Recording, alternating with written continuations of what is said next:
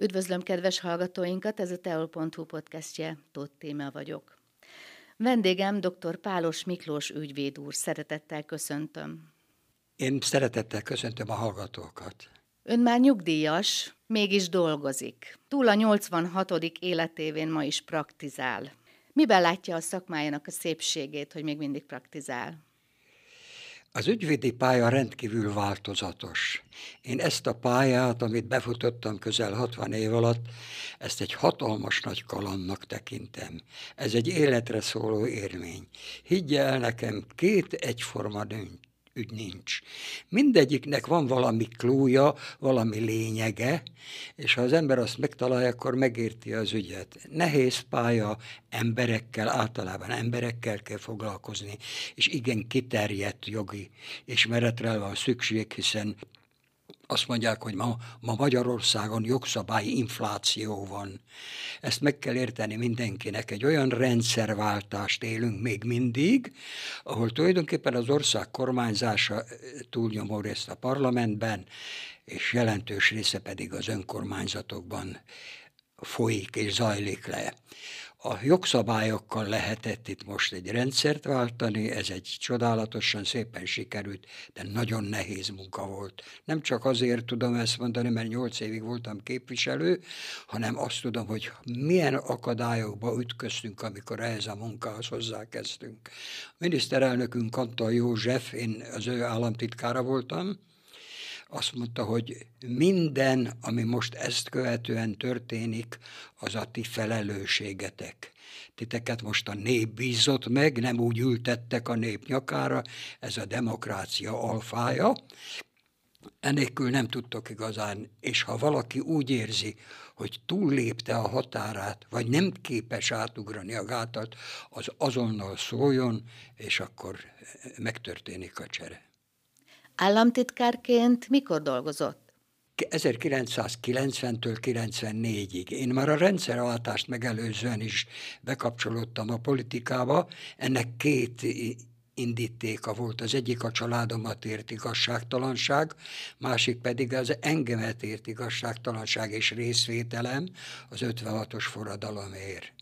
Forradalom miatt. Na most ez indította arra, hogy akkor a, a, a megye egyik legforgalmasabb irodáját hagytam ott, és ezért ezúton is köszönetet mondok a feleségemnek, mert egy teljes anyagi biztonság után elmentem egy állami fizetéssel államtitkárkodni, de csak annyit mondott, te szenvedtél meg ezért, egy pillanatig nem gördítek akadályt, ha ez önmegvalósításodhoz kell, valamit el akarsz vele érni, akkor csináld végig. Tehát soha nem volt önző, és nem volt ilyen szempontból elfogult. Tehát a családi háttér nagyon fontos. A feleségén kívül a szülei is támogatták? Nagyon, mindenki. Édesapám az mindig azt mondta, mielőtt még ugye 86-ban meghalt, 76-ban és 82-ben anyu, hogy ne avatkozzak bele a politikába, mert az egy hálátlan dolog. De akkor ő csak olyan kategóriákba tudott gondolkodni, hogy diktált igazság volt. Akkor nem volt demokrácia semmi. Ő maga is megszenvedte, egy magas pozíciót töltött be itt a Tolna megyei pénzügyi igazgatóságon, főtanácsos volt, ebből összesen volt az országban annyi, ahány Vármegye volt. Ő volt a negyedik ember az igazgatóságon.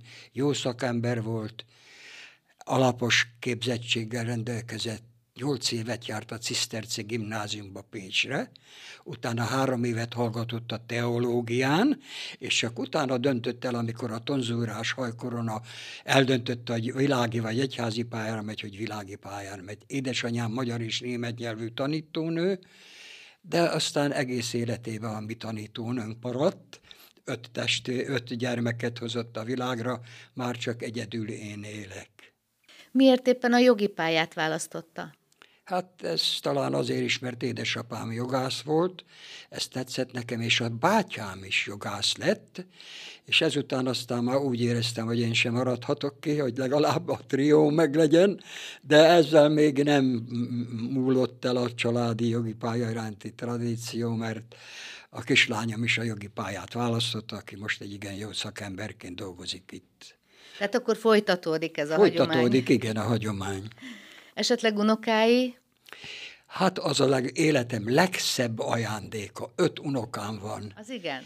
Tudja, azt szoktam mondani, mind az öt fiú. Egy már diplomát kapott, ő a diplomácia szakon végzett a Bábas Bolyai Egyetemen, egy most jár még közgazdasági főiskolára, a harmadik most maturázott, és a másik kettő, mert mind az öt fiú, ők pedig a Bencés gimnáziumba járnak Panonhalmára, kitűnő tanulók, mind a kettő tökéletesen beszél már angolul, aztán most hadd mondjam el élményként, hogy a napokban kaptam egy telefont, hogy az én kis unokámat, a legkisebbiket, aki egyébként szerintem a család esze, ez a kisfiú egy tanítási délelőttön öt jelest kapott. Minden tárgyból megkérdezték kipróbálni, hogy fölkészült brilliáns esze van, nagyon büszke vagyok rájuk. Ezt az öt fiút tudja, semmi pénzért nem adnánk oda. De azért a hatodiknak lenne egy kislány, azért a fél világot hiányzik. Pont erre szerettem volna rákérdezni, hogy hiányzik, hogy kislány nagyon, is legyen? Nagyon egy ilyen kis röpike szoknyás, kis szök, szöszi baba nagyon hiányzik, de ezt mondom, ez az öt fiú, ez kitöltötte az életünket. Én nem gondoltam, hogy a nagyszülő-unoka kapcsolat ennyire elmélyült érzelmeken van. Mindenféle érdek nélkül kizárólag a szeretet vezérli ezt a kapcsolatot, és ezt sikerült nekem megteremtenem, mert belaptam magamat a szívükbe. Ennek nagyon örülök. Jelenleg Szexárdon praktizál, mint nyugdíjas Igen. ügyvéd. Előtte hol dolgozott? Én Tolnán voltam ügyvéd, hát legelőször Szexárdon, itt voltam ügyvédjelölt, öt kitűnő principális mellett tanultam meg a szakmát, aztán 1968-ban balesetért, mert egy politikai nyilatkozatnak minősülő magánlevelemet felbontottak. Ennek alapján ugye az ávósokból a kék parolin civil ruhára váltva éjjel megjelentek a lakásunkon, házkutatás, feleségem már majdnem félidős teres volt, házkutatás, és akkor elcipeltek, vallatások, kirúgtak végül is az ügyvédi pályáról. Ez hányban volt? 1968-ban. Uh-huh. Akkor volt a prágai tavasz. És ugye a prágai tavasz már a rendszer alapjait próbálta támadni, Úgyhogy akkor egy kicsit szigorú volt az eljárás. Hát annak az volt a tragédia, hogy amikor fölcitáltak Pestre, az András út 60 mögött az Aradi utcában még azért a kazamaták megvoltak, akkor ott bevittek engem, és egész nap fallattak és arra akartak rábeszélni, hát tudomásomra hozták, hogy én súlyosan sértettem az államrend biztonsága ellen, és arra akartak rábeszélni, hogy vállaljak szolgálatot a BN felé, mert én, mint politikai üldözött, most akkor már ki voltam rúgva, politikai üldözött, hát biztos találkozok olyan emberekkel, akik a véleményüket kifejtik a rendszerrel kapcsolatban, és ők szeretnék, ha én erről beszámolnék és ha ezt, erre vállalkozom, akkor ennek az ügynek egész más az elbírálása. Hát életem legnagyobb kiállása volt a saját jellemem és hittem mellett, mert azt mondtam, hogy én tudják, hogy templomba járó ember vagyok, én hamis tanúságot a fele barátaim ellen nem szólok, én erre nem vállalkozom. Erre elintettek egy papírt, amin meg volt írva a szöveg, hogy együttműködöm velük. Akkor közöltem, hogy ne haragudjanak, én ezt nem írom alá akkor azt mondta, hogy akkor most menjek ki, köszönjek el az édesapámtól, meg a feleségemtől, ott volt a folyosó mind a kettő, mert itt fogjuk. Akkor körülbelül egy, ezt kimentem, adattam a gyűrűmet, az órámat, és mondtam, hogy a kis porontyra, elnézést, aki majd születni fog, vigyázzon 50 év után, és nehéz ezt elfelejteni. Akkor persze apám már nagyon indulatos állapotba jött, Ágneskám sírt, akkor visszavittek, és utána azt mondták, hogy jó, hát azt a papírt most nem kell aláírni, de ha én most jól viselkedek, akkor a parancsnok eltekint attól, hogy engem itt fognak. Elém tett egy üres papírt, és azt mondta, ezt írjam alá, majd ők tudják, hogy mit kell abba belefoglalni, hogy indokolt volt, hogy elengednek. Erre mondom nekik, nézze, itt két óráig azért nyaggattak, mert a levelek tartalmából mindent meg lehetett állapítani, hogy én írjak alá egy papírt. Azon volt egy szöveg. Én azt nem is olvastam el, mert tudtam, hogy mit akarnak elérni, de most meg írjak alá egy papírt, hogy amit majd maguk fognak ráírni, és, és mit fognak írhatnak. ráírni. Uh-huh. Azt mondja, azt olyat, ami magának jó abból a szempontból, hogy most elengedtük. Uh-huh. Hát mondom, milyen papírt én nem írok alá. Ennek sem értelme, akkor az, ugye még körülbelül másfél órát bent tartottak, addig a nejem olyan izgalmi állapotba került, hogy bevérzett, akkor még nem volt ilyen autós világ, de az apám meg bement a parancsokhoz, és azt mondta, hogy addig ő innét nem megy el, amíg a fiát el nem engedik, mert akkor a bátyám már lent volt a börtönbe, őt is elítélték. Most jelent meg egy könyv, Gervai András írta, az a címe, hogy akiket elárult a hazájuk.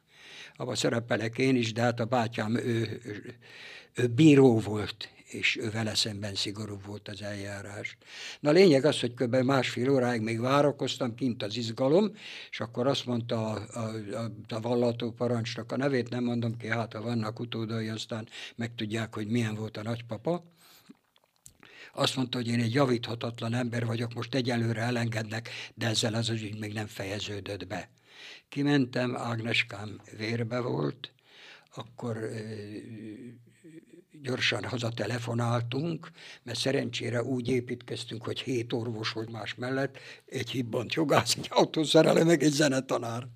Egy ilyen tízes lakóházat építettünk, és akkor vonatra szálltunk, de hát az már egy, egy borzasztó dolog volt, és mire hazaértünk, már kiküldték a mentőt a vasútállomásra, és akkor Ágneskát bevitték, és rövid zárójelentés, természetes úton, megszakadt, mesterséges úton befejezett terhesség. Mennyi idős volt a baba? Hát már négy hónapos, már mozgott. Hát az akkor egy szomorú tragédia. Igen, az izgalmak, ugye. De aztán hála után, hála Istennek utána született két gyermekünk, ők épek, egészségesek, és felneveltük őket. Az ifjúságának ideje, az ötvenes évek nem kedveztek a tenni akarásának. Hogy élte át ezeket az éveket? Hogyan emlékszik rá vissza? Hát az az igazság, hogy teljes tudattal még nem rendelkeztünk, hiszen én 50-ben még csak 13 éves voltam. De a családon keresztül hamarabb meg kellett ismerkednem a, annak a rendszernek a, a lehetetlenségeivel. Apámat 1948-ba 48-ban már a fordulat éve után bélistázták. Ez azt jelenti, hogy elküldték a hivatalából, akkor már ő miniszteri osztálytanácsosi rangba volt, és anyám mindig mesélte ezeket nekünk, ő soha nem dolgozott, mert ő a gyerekek anyukája volt, hogy ez egy olyan fizetési osztály volt, ahol havi 400 pengőt keresett. És akkor ezt azzal igazolta, hogy elémtette a pénztárkönyvet, és azt ír, az volt beírva, hogy gyerekeknek ruhák, cipők, 10 pengő. Tehát ez egy nagyon jó hely volt, anyámnak mindig volt egy segítője, ugye ennyi gyerekkel nem tudott bánni egyedül, és akkor apámat bélistázták, akkor egy évig ilyen erdei munkás volt, meg fizikai munkát végzett, utána az elkobzott, a nagyszülőktől elkobzott földingatlanból visszakapott itt a József Husztán tíz holdat, akkor két évig egy bérelt munkással, egy parasztemberrel, akinek igavonó állatai is voltak, még nem volt traktoros világ, próbált mezőgazdásznak lenni, de tudja, nem szokta a cigány a szántást, ahogy a magyar közmondás mondja, és akkor visszahívták a szakmába. Hát egy ilyen kegydíjért, mert különösebb fizetést nem kapott, de őt lenyugdíjazták, ez 240 forint volt, és utána megszabták, hogy 1500 forintnál többet nem keresett hiába voltunk ott hárman neveletten gyerekek, ez őket nem nagyon érdekelte. És akkor a papa átképezte magát pénzügyre, számvitelre, könyvitelre, és két nagy vállalatnak volt a főkönyvelője. Először a megyevilnek, az a megyei villamosítási programot bonyolította, a Tolna megyei tatarozó és építővállalat volt, a Toté volt, volt főkönyvelő. Aztán 56 után, amikor már egy kicsit konszolidálódott, akkor visszahívták a pénzügyi Győr-Mohácsra, az megyei tanács lett közbe, és ott ugyanazt, lényegében ugyanazt a munkát csinálta, csak jobban szakosítva, adó illetékügyet, amit korábban tanult, és onnét is vonult nyugdíjba de meghasonlott magával, amikor ilyen őrületes tortúrán kellett keresztül menni neveletlen gyerekekkel. Végén ma ott találta meg a maga vigasztalását, hogy kiment a szöllejébe, a csacskavölgybe, mert azt, azt még akkor is ő saját maga permetezte, amikor méltóságos úrnak szólították és hát ott eldarvadoztak a régi kollégáival, ezekkel a régi úgynevezett deklasszálódott értelmiségi barátaival. Engem mindig óvott, hogy ne avatkozzak bele, de hát aztán látta, hogy szépen indulok az ügyvédi pályán, és akkor 13 évet voltam úgynevezett gyarmati szolgálatba, de csak egy munkáján volt, az ipari szövetkezeteknek voltam az egyik tanácsos, a, jelentősebb, nagyobb szövegek jogi képviseletét én láttam el szövetkezetekét, és megbecsült ember voltam ott is. 90-ben visszamentem, 90-től 2000-ig, 81-ben visszamentem, visszavettek ötödik pályázatomra. Mondhatom, annak is volt egy kis története. Elmeséli? Ja, hát fölvettek az egyetemre, az első két évben nem, az alatt kitanultam egy szakmát, és akkor volt itt egy nagyszerű katonatiszt, az S. Nagy Károly. Az egy úriember volt. És az S. Nagy Károly, mikor látta, hogy besoroznak engem, de tudta, hogy már tanuló vagyok, ipari tanuló, akkor odajött és megsúgta nekem, az akkor hőstetnek minősült, hogy Miklós, ha szakmunkás vagy, szakmunkás tanuló vagy, akkor neked a honvédelmi miniszter rendelete alapján szolgálathalasztást kell kapni. Aki pedig időt nyer, az életet nyer, és ez nagyon bejött. Karcsi bácsinak megköszöntem, fölmentettek, már be voltam sorozva, kivittek a sorból, azt ő intézte el nekem, és akkor egy szolgálathalasztást adtak. Ez alatt kitanultam a cukrász szakmát, azt júniusban jelesen elvégeztem, és a harmadik évben már nem kellett az középiskolán keresztül jelentkezni az egyetemre, hanem közvetlenül is beadhattam. Közvetlenül beadtam, volt egy mentor professzorom, azt meg kell mondani, apámnak egy kollégája, meg diáktársa, és az azt mondta, hogy Jóska, a Miklós fiadért sok mindent megteszek, de egyre ügyelj. A felvételi vizsgán meg kell felelni neki. Ez történelemből abban csillagosásra érettségiztem, irodalomból pedig a Rómeó és Júliát kérdezték, vagy a Csongor és Tündét kérdezték, és hogy meg tudnám-e mondani, hogy milyen dráma ez. Hát mondom, ennek tulajdonképpen a mondani valója a boldogságkeresés. Ugye minden országot bejártam, minden messzi tartomány, stb. stb. A hadsz fölvételi vizsgáztató összehajtotta azt, hogy hát majd kap egy értesítést. Talán 8 vagy 9 nap telt el egy ekkora kis tencelizett papíron, hogy sikerem fölvételizett, fölvettek.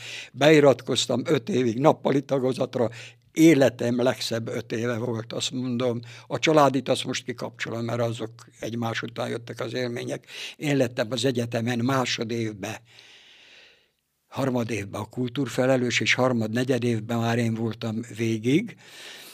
Nagy, akkor nagyon sok jó nevű színészt lehelyeztek a vidéki színházakba, mert 56-ba exponálták magukat.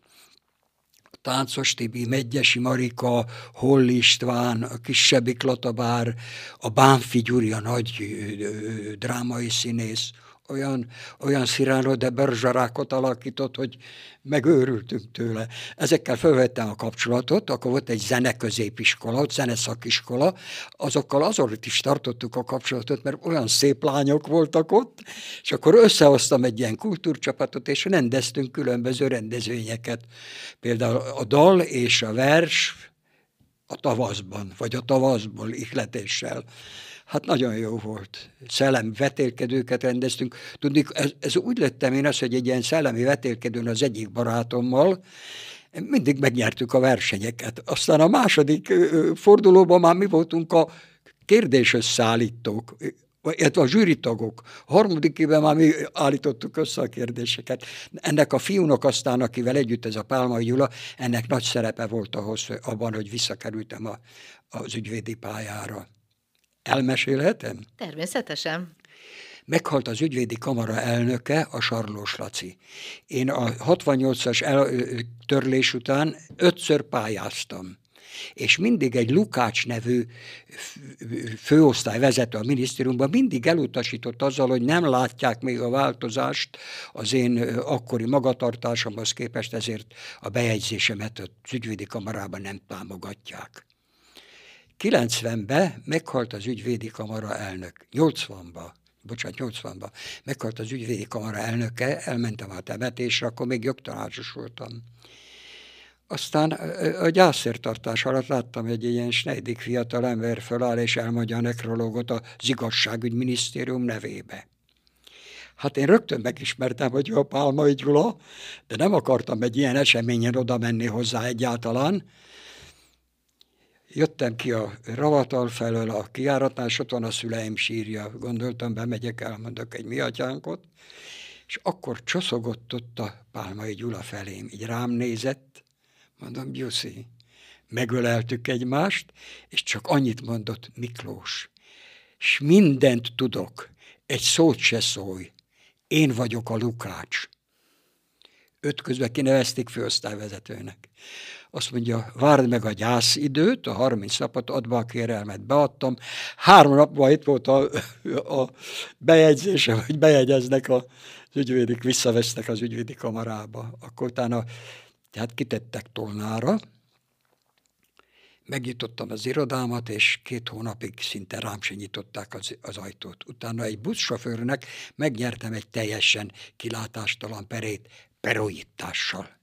Erre, amikor felszálltak a buszra, mindenkinek azt menjetek a páloshoz azért és megcsináltam úgy az irodát, hogy tíz évből hétszer én voltam a legnagyobb virilista, a legnagyobb adófizető. Ott azért korlátozták a jövedelmeket, de ahhoz képest, ami ugye a civil életben volt, ez egy kiemelkedő volt.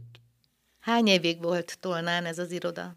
Hát most harmadik, három éve, hogy abba hagytam, ugye az, az államtitkárság az kiesett, mert akkor szüneteltettem, 80-tól ott voltam 2019-ig. Most jelenleg üzemelteti valaki? Igen, a, a Konkoly Edit vette át, mert egy nagyon okos lány, és nekem nem volt mindegy, hogy kire örökítem át, ezt a hatalmas irattáram van. Két ekkora fal, mint amit itt lát, egymás élére állítva, több mint ötezer ügy. Ezeket most rendeztem, hogy beköltöztem, mert nem lehet mindent selejtezni. Hát őrület. Szép én, én saját magammal meg voltam elégedve, sok ment. Nem azt mondom, hogy mindig minden sikerült. Pereket nem nagyon vállaltam, nem szerettem. Büntetőokhoz semmit nem értek, nem is foglalkoztam vele. Milyen ügyekkel foglalkozott leginkább? Hát nagyon sok családjogi ügy, kb. 300 bontópert csináltam.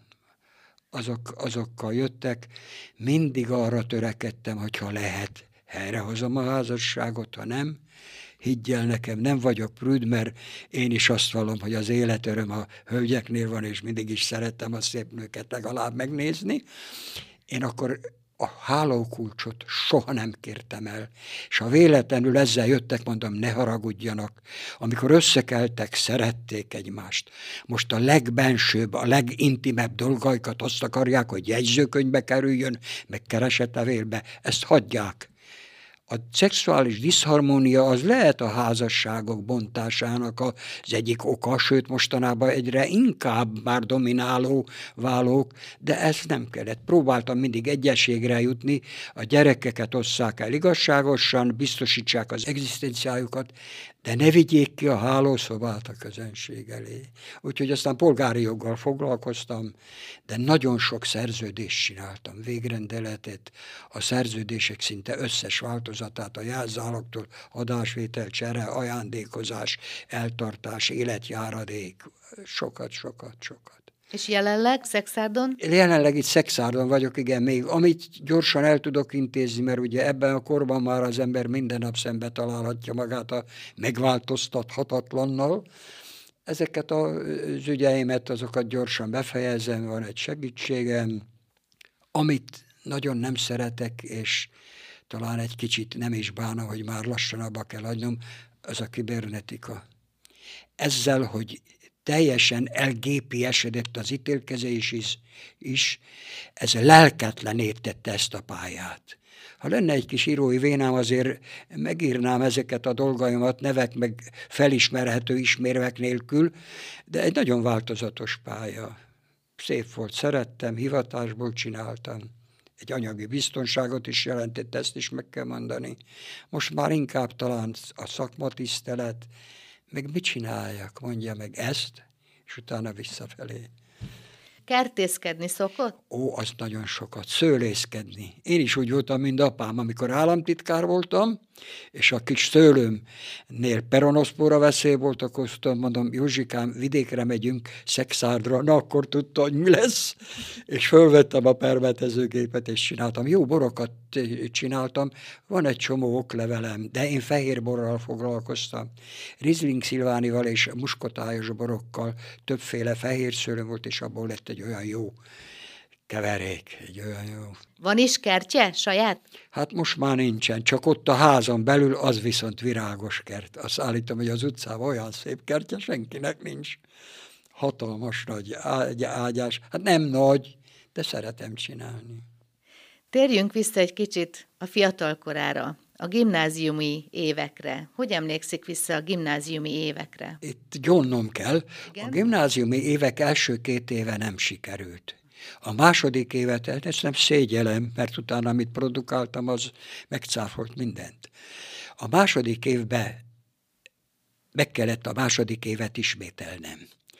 Ez úgy történt, hogy karácsony előtt három nappal mi disznót vágtunk. És egy disznóvágáskor ugye ömlik a zsír, meg a zsíros étel. Nekem is volt egy, egy ilyen tünetem, és akkor a szomszédban volt egy orvos, aki átjött, tele volt a hasam kiütésekkel, piros kiütésekkel. És akkor az rám nézett úgy, fonendoszkóppal hallgatott valamit, és azt mondta, ez egy gyomorrontás, ez két nap múlva elmúlik. Két nap múlva belázasodtam. Akkor anyukám megfogta a kezemet, levitt a Nagy Pista bácsihoz, a Nagy István doktorhoz, akit aztán hat évre ítéltek a forradalomban a részvételért, kigombolta az ingemet, megnézett, pulzust, rutinvizsgálatokat megcsinálta, írt egy beutalót a kórházba, skarláttal, sürgősséggel. Komolyan? Akkor az nagyon nagy betegség volt. És karácsony előtt két nappal befektettek a fertőző osztályra, oda látogató nem jöhetett, csak az ablakon keresztül lehetett ki, és hat hetet töltöttem ott. Az és utána még négy hétig vesztegzár. Szerencsére semmi szövődmény nem maradt vissza, akkor már volt penicillin, és a penicillinnel valahogy sikerült ezt megfogni, mert azért még nem alakultak ki a rezisztens törzsek annyira, mint most, mert most már borzasztó az is. Na és akkor a másodikat, hát keveset jártam suliba, meg kellett ismételnem betettek egy osztályba, én akkor eldöntöttem, hogy én most a bukott szik, diák, mert köznapi nyelven ez azt jelentette, mégiscsak végig játszottam, játszom, mert azért annyi értelmet érte, éreztem magam, hogy hát ha többiek meg tudják ezt tanulni, talán én is. Betettek egy osztályba, amelyik nem a legjobb minőségű volt, és akkor talán négy vagy öt nap múlva bejött a létai mennyhért tiszta nagybetűvel írva, és egy pillanatra vegye, úgyhogy fölálltam.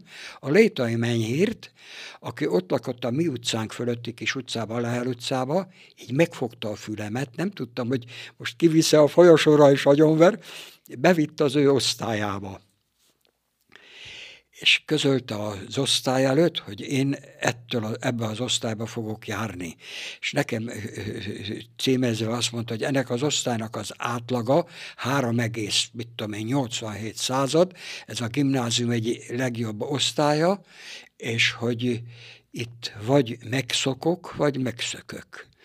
És akkor álltam ott egy darabig, előtte szólt a diáktársamnak, hogy mutassad meg, hogy hova fog leülni és akkor én ott álltam egy darabig, a, ugye a, responsumok elmolása után, elmondása után, és akkor azt mondtam, hogy amikor én vállaltam a bukott diák szerepét, akkor én valamit eldöntöttem. Az én indexemben nem az volt beírva, hogy elbuktam, hanem megbuktam, és alátta a vigasztaló mondat, hogy folytathatja az osztály megismétlésével. Mondom, azt én teljes biztonsággal merem mondani, hogy annyira nem vagyok buta, hogy ne tudjak megbirkózni ezzel. Attól kezdve nem voltak problémám, gyönyörű szép jeles érettségit tesztem történelemből, a magyar irodalmat elrontottam egy buta megjegyzéssel. 56 után volt, ez 57-ben és abban nem volt igazam. Azt mondtam József Attilára, hogy nem is volt annyira nagy költő, mert az ihlete a proletár származásából származik. Azóta én már tőle annyiszor bocsánatot kértem. Az magyar géniusok között ő neki, géniusok között. Ugyanott megvan az előkelje a páholyba. De hát akkor ezt gondolta. Igen, na attól kezdve talán a Menyus bácsit nagyon szerettem.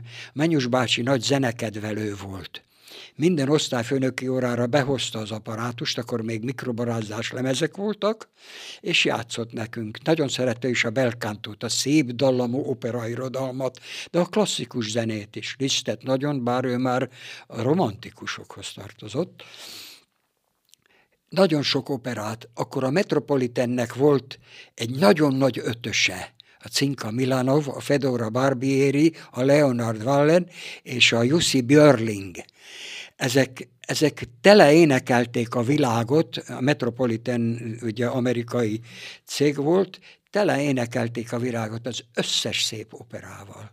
És ebből mindig aztán a Mennyus bácsi egyet-egyet játszott egy részletet. Na most ebből aztán éltem én.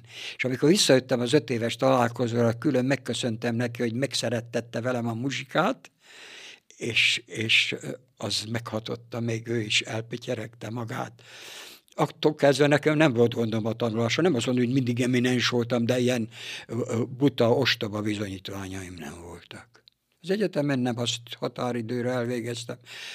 Tudományos szocializmusban egyszer kirúgtak, de például a nagy a jogi tárgyakkal nem volt problémám egy dolgot később tudtam meg, hogy aki jogelméletet, jogbölcseletet tanított nekünk, az a professzor budapesti, az csütörtökön, pénteken nekünk előadást tartott, hétfőn, kedden, szerdán pedig 32 embert halálra ítélt, mint a legfelsőbb bíróság bír, egyik bírája.